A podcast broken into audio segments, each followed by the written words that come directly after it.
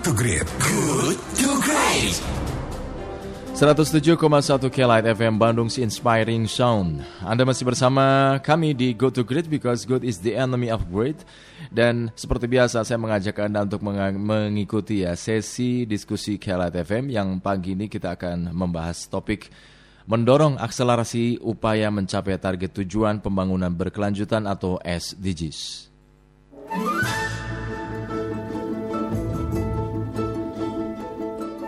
Tujuan pembangunan berkelanjutan atau SDGs merupakan kesepakatan negara-negara di dunia yang menjadi anggota PBB termasuk Indonesia. Sebelum SDGs, kesepakatan yang dilakukan yaitu MDGs. Tujuan besarnya untuk menghapus kemiskinan di muka bumi. Nah, MDGs kemudian diperluas menjadi SDGs. Tidak hanya menghapus kemiskinan, tapi juga ada aspek keberlanjutan atau sustainability. Artinya, sustainability, sustainability itu manusia di dunia sepakat untuk membangun dan merawat dunia ini agar lestari. Kata kuncinya pada kata lestari keberlanjutan. Nah, ada banyak hal yang menjadi musuh dari lestari, tetapi salah satu kata yang bisa mewakili sebagai musuh lestari adalah eksploitasi. Baik eksploitasi sumber daya manusia maupun sumber daya alam. SDGs mengupayakan perubahan-perubahan signifikan pada setiap aspek kehidupan. Hal tersebut berlandaskan pada HAM, hak asasi manusia dan kesetaraan sehingga pembangunan sosial, ekonomi, dan lingkungan bisa tercapai. Prinsip utama yang diangkat yaitu no one left behind. Tidak ada seorang pun yang boleh tertinggal. Maka dalam implementasinya mengedepankan nilai-nilai universal, integrasi, dan inklusif. Nah, sahabat kilat dalam rencana aksi global, aksi SDGs didasarkan pada prinsip 5P, People, Planet, Prosperity, Peace, dan Partnership. Hal itu juga berarti kehidupan tanpa kemiskinan dan kelaparan, ini berkaitan dengan people, menjaga planet bumi dan tidak mengeksploitasi sumber daya alam, ini berkaitan dengan planet, pentingnya kemitraan untuk mencapai tujuan, ini berkaitan dengan partnership, dan hidup dalam harmoni dan damai, atau peace, serta mewujudkan kemakmuran bersama atau prosperity. Lantas, melihat situasi ini, bagaimana mendorong pemerintah pusat maupun daerah agar cita-cita mulia SDGs tidak hanya indah dalam kata-kata, namun bisa terwujud nyata. Sebenarnya seberapa serius pemerintah dalam upaya ini, mengingat selama lima tahun berjalan seolah aksi nyata ini belum terlihat, kecuali hanya berkutat pada perencanaan, konsolidasi, dan komunikasi.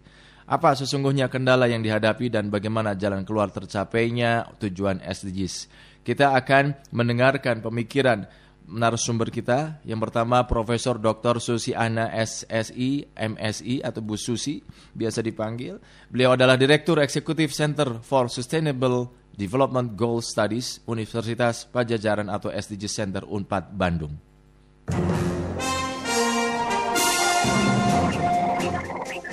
Selamat pagi Bu Susi. Selamat pagi, Kang. Iya, apa kabar Bu Susi? Baik, baik. Bu, pelaksanaan SDGs di Indonesia ini sudah memasuki tahun kelima ya Bu ya. Tapi upaya untuk mencapai target-target ini belum banyak muncul, khususnya di daerah. Nah, tanpa percepatan dikhawatirkan akan banyak target SDGs ini yang tidak tercapai pada 2030. Bagaimana pengamatan Anda? Apa sih sebenarnya yang sesungguhnya terjadi selama lima tahun berjalan ini, Bu Susi? Ya, ya betul sekali Mas. Ini udah lima tahun berjalan ya. SDGs uh, sesuatu yang sangat luar biasa karena ini adalah uh, skema global ya, Mas. Hmm. Jadi seperti tadi sudah disampaikan, kita punya 17 goal, 169 target. Kemudian Indonesia sendiri membuat sekitar 319 indicators. Ini luar biasa banget. Saya rasa memang sebetulnya upaya sih sudah ada ya. Namun memang sampai sekarang tuh belum terkomunikasikan dengan baik sehingga belum banyak masyarakat yang tahu sebetulnya sejauh mana pemerintah beserta seluruh aktor yang diharapkan ikut bersama-sama berupaya tuh sudah berbuat untuk pencapaian target SDGs di tahun 2030 gitu. Hmm. Kalau kita perhatikan ya gitu apa yang dilakukan pemerintah selama ini kan melalui pembangunan yang berjalan baik yang tercantum dalam RPJMN, RPJMD kalau di daerah ya, Pengsa dan lain-lain, APBN, APBD itu yang sebetulnya kan adalah sebagian adalah upaya-upaya SDGs juga. Jadi kalau misalnya sekarang pemerintah daerah dan pemerintah pusat itu kemudian menyusun rencana aksi daerah atau rencana aksi nasional hmm. untuk SDGs, itu sebetulnya adalah harapannya dapat diarus utamakan gitu, hmm. sehingga apa yang ada di dalam proses pembangunan di daerah dan juga di level nasional sekarang ini dapat dilengkapi gitu kekurangan-kekurangan target indicatorsnya yang hmm. tidak ada. Dan dengan demikian diharapkan bahwa nanti kemudian seluruhnya 17 goals ini dapat terakomodasikan dalam program-program pembangunan gitu. Hmm. Nah ini yang sebetulnya yang belum terrealisasikan dengan baik gitu ya. Hmm. Karena kalau dari pengamatan dari 34 provinsi di Indonesia itu misalnya baru sekitar 25 saja yang memiliki RAD. Hmm. Dan hmm. juga belum banyak terlaporkan mengenai bagaimana sih mengarus utamakannya RAD ini dalam RPJMD misalnya gitu ya sehingga kita nggak paham nih sebetulnya uh, upayanya udah sejauh mana gitu yeah. itu belum belum terkomunikasikan dengan baik gitu mas. Hmm. Persisnya apa sih bu program-program SDGs yang uh, menjadi PR Indonesia ini bu? Kalau uh, di Indonesia tuh beda-beda ya. Jadi kalau di level Indonesia mungkin kita masih uh, uh, di, dilihat dari by province ya. By hmm. province itu macam-macam. Kalau misalnya provinsi-provinsi baju itu masalahnya pasti banyak di lingkungan hidup ya. Hmm. Kalau provinsi-provinsi yang uh, agak uh, agak kurang gitu ya, itu biasanya lebih banyak ke masalah-masalah pendidikan, kemudian juga ekonomi gitu ya. Hmm. Kalau di perkotaan itu lebih banyak masalah kesenjangan kalau hmm. provinsi-provinsi perkotaan dan juga lingkungan hidup gitu. Hmm. Tapi dari Jadi, 17 tujuan itu uh, apakah hal yang terkait dengan uh, kehidupan yang sehat serta mendorong kesejahteraan bagi seluruh orang di segala usia, kemudian juga pendidikan yang inklusif, berkeadilan, kemudian juga menjamin kesetaraan gender itu jadi persoalan yang umum terjadi di setiap daerah, Bu? Iya, iya. Enggak semua daerah punya persoalan yang sama, Mas. Hmm. Jadi tiap uh, wilayah itu punya strugglingnya sendiri seperti saya sampaikan tadi hmm. beberapa provinsi yang uh, sudah maju itu lebih banyak di perkotaan permasalahannya lingkungan hidup gitu ya hmm. tapi kalau provinsi-provinsi yang misalnya di wilayah-wilayah timur Indonesia itu memang masih bicara mengenai uh, ekonomi ya hmm. jadi dan juga masalah-masalah uh, yang terkait dengan kemiskinan kemudian juga masalah pendidikan gitu Hmm. Ya di Jawa di Jawa Barat sebenarnya juga itu masalah perkotaan masih jadi masalah yang utama, tapi juga uh, anehnya pendidikan juga masih jadi persoalan di Jawa Barat yeah, gitu ya. Yeah, yeah, yeah. Kayak akses ke university, akses ke SMA itu juga masih masih jadi persoalan juga karena hasil penelitian kami menunjukkan sampai dengan 2030 itu masih tengah jalan untuk bisa sampai target di tahun 2030 gitu. Hmm. Sebera ya. Berarti seberapa peluang seberapa besar peluang Indonesia untuk memenuhi target tingkat waktu sampai tadi 2030? Untuk yang mana nih? Untuk untuk semua wilayah di Indonesia ya? Uh, Jawa uh, Barat saja Jawa dulu. Uh, di Jawa Barat itu agak berat ya, agak berat. Misalnya kalau kita hmm. nggak hmm. memiliki uh, sekarang udah mulai akselerasi lah ya dengan persoalan-persoalan yang ada dengan kekurangan-kekurangan yang ada karena kan sebetulnya sudah ada hasil riset jadi bisa diakses hasil riset kami dan bisa diketahui kira-kira mana yang masih gapnya masih jauh untuk bisa dicapai di tahun 2030 termasuk di dalamnya adalah pendidikan kemudian mortalitas ibu hamil kemudian hmm. juga masalah-masalah lingkungan hidup ya ini masalah perkotaan air sanitasi air ya uh, dan juga kesenjangan di beberapa kota-kota uh, besar di Jawa Barat gitu. Hmm. Nah ini mungkin harus mulai dipikirkan bagaimana inovasinya gitu ya untuk solusi bagi SDGs tersebut. Dan sebetulnya kan ini bukan cuma tugas pemerintah, hmm. karena kan SDGs ini adalah menjadi tanggung jawab kita bersama gitu, termasuk Betul. juga Kia CBS ya. Uh, hmm. sebagai media yang mulai Light, Bu. Kia Light yeah. yang mulai mensosialisasikan kembali SDGs ya supaya masyarakat mulai enggak karena ini udah mulai uh, turun nih semangatnya kelihatannya. Hmm. Gitu. Hmm. Kita punya persoalan isu-isu lain yang lebih kelihatannya lebih uh, uh, menarik untuk diambil oleh media gitu seperti yeah. masalah coronavirus. Sementara ini SDGs yang sebetulnya adalah uh, tujuan jangka panjang kita mulai terlupakan. Saya takutnya hmm. seperti itu. Hmm. Lalu melihat situasi seperti sekarang ini gimana ya cara mendorong uh, pemerintah supaya cita-cita SDGs ini nggak cuma indah dalam kata-kata tapi juga bisa wujud gitu, Bu?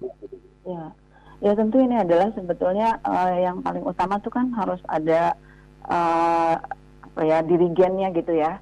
Dirigennya tentu pemerintah gitu ya. Hmm. Dan yang paling penting sekarang ini kan udah banyak orang juga yang masih belum paham mas mengenai SDGs ini, hmm. termasuk juga pemerintah gitu, nggak cuman masyarakat luas ya, nggak hmm. cuma media, nggak cuma akademisian, juga nggak cuma apa uh, bisnis gitu. Karena bisnis juga nanti kita minta untuk bisa ber, uh, ber apa mensupport gitu target-target SDGs. Nah, ini yang harus kemudian di dikoordinasikan gitu oleh pemerintah di sama-sama lah kita bergerak gitu gimana bagi-bagi tugas gitu antara media antara bisnis antara uh, akademisi hmm. dan semuanya gitu untuk sama-sama kira-kira mana yang misalnya harus kita perbaiki mana yang masih jauh gitu ya untuk Betul. bisa kita capai tahun 2030 kita kerjasama gitu bersama-sama bagi-bagi tugas. Betul. Dan itu tentu siapa yang harus mengkoordinasikan hmm. kalau bukan pemerintah gitu hmm. gitu ya. Dalam rangka itulah kenapa Kelight FM membahas persoalan ini, Bu.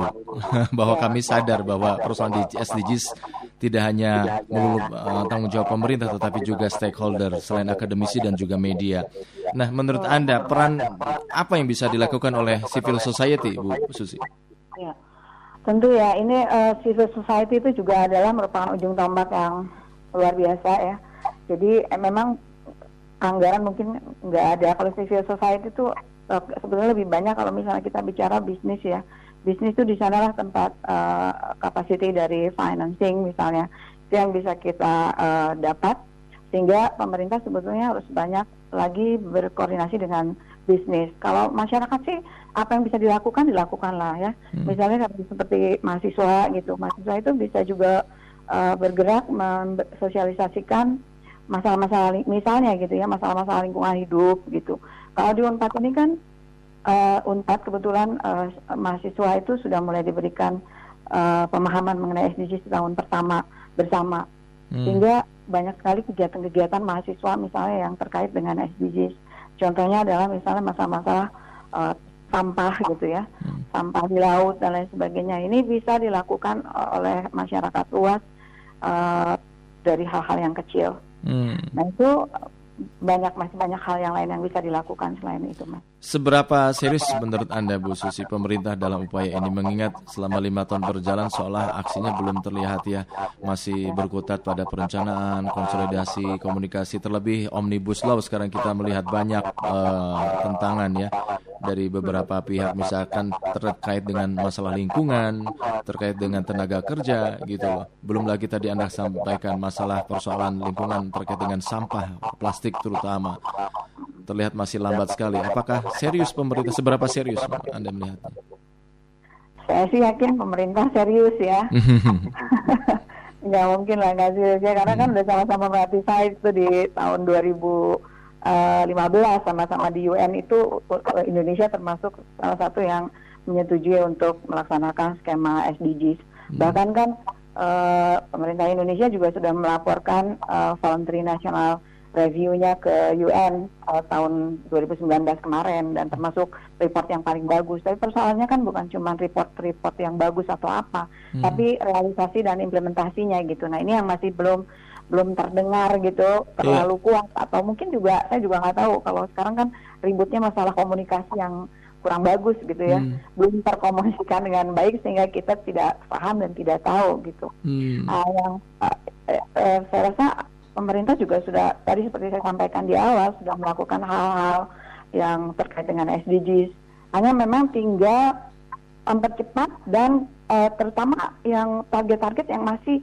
kelihatannya akan sangat sulit dicapai tahun 2030. Hmm. Nah ini yang harus dikonsentrasikan. Jadi ada hal-hal yang sifatnya uh, hanging fruit yang harus segera dilaksanakan. Kemudian juga uh, apa namanya uh, gap yang masih tinggi. Kemudian juga ada beberapa indicators yang memiliki impact yang sistemik. Yang kemudian kalau misalnya kita uh, mendorong atau mensupport atau uh, mempercepat satu aja indikator itu, indikator itu memiliki systemic impact terhadap indikator yang lain sehingga bisa membawa indikator yang lain untuk uh, bisa juga uh, lebih dipercepat dan bisa dicapai di tahun 2030.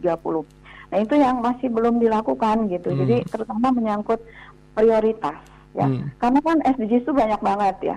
Jadi hmm. kalau 319 indikator gitu yang harus dicapai di tahun 2003 uh, 2030 itu mungkin berat gitu. Jadi kita cari hal-hal yang sekiranya masih bisa kita capai. Kasus di MDGs dulu juga nggak semua mas itu bisa hmm. dicapai. Hmm. Masih ada beberapa homework yang belum selesai. Hmm. Tapi problemnya kan uh, uh, apa yang bisa kita capai sekarang ya coba untuk dikejar gitu. Hmm. Itu yang masih belum kelihatan. Jadi prioritas prioritas mana yang harus didahulukan belum dilakukan oleh pemerintah. Apa Terus yang apa? minimal satu saja bisa kita coba segera disegerakan gitu kan supaya bisa diatasi sehingga ini akan men-trigger uh, aspek lainnya. Ya. Banyak mas, uh, terutama ya uh, di goals goals misalnya uh, production dan consumption itu juga penting untuk kita dahulukan ya. Kemudian juga menyangkut pendidikan terutama ya karena pendidikan ini juga termasuk uh, akselerator ya, untuk supaya kita bisa mencapai target-target yang lain, target kemiskinan misalnya gitu ya. Nah itu bisa kita uh, support kalau kita bisa memperoleh uh, pendidikan yang lebih baik, akses, kemudian lama sekolah, uh, dan juga menyangkut infrastruktur tentunya. Baik, Bu Susi, terima kasih atas waktu Anda pagi ini, Bu Susi. Ya, selamat pagi, selamat beraktivitas. Ya, baik sahabat Kelat sebagai civil society pemilik kekuasaan tertinggi yang memberi mandat kepada negara dan pemerintah. Saya undang Anda untuk bertukar ide, gagasan supaya kita bisa saling memperkaya wawasan. Menurut Anda bagaimana mendorong pemerintah agar cita-cita mulia SDGs tidak hanya indah dalam kata-kata namun bisa terwujud nyata? Anda bisa menyampaikannya di uh, WhatsApp Kelat FM 0812 203 1972.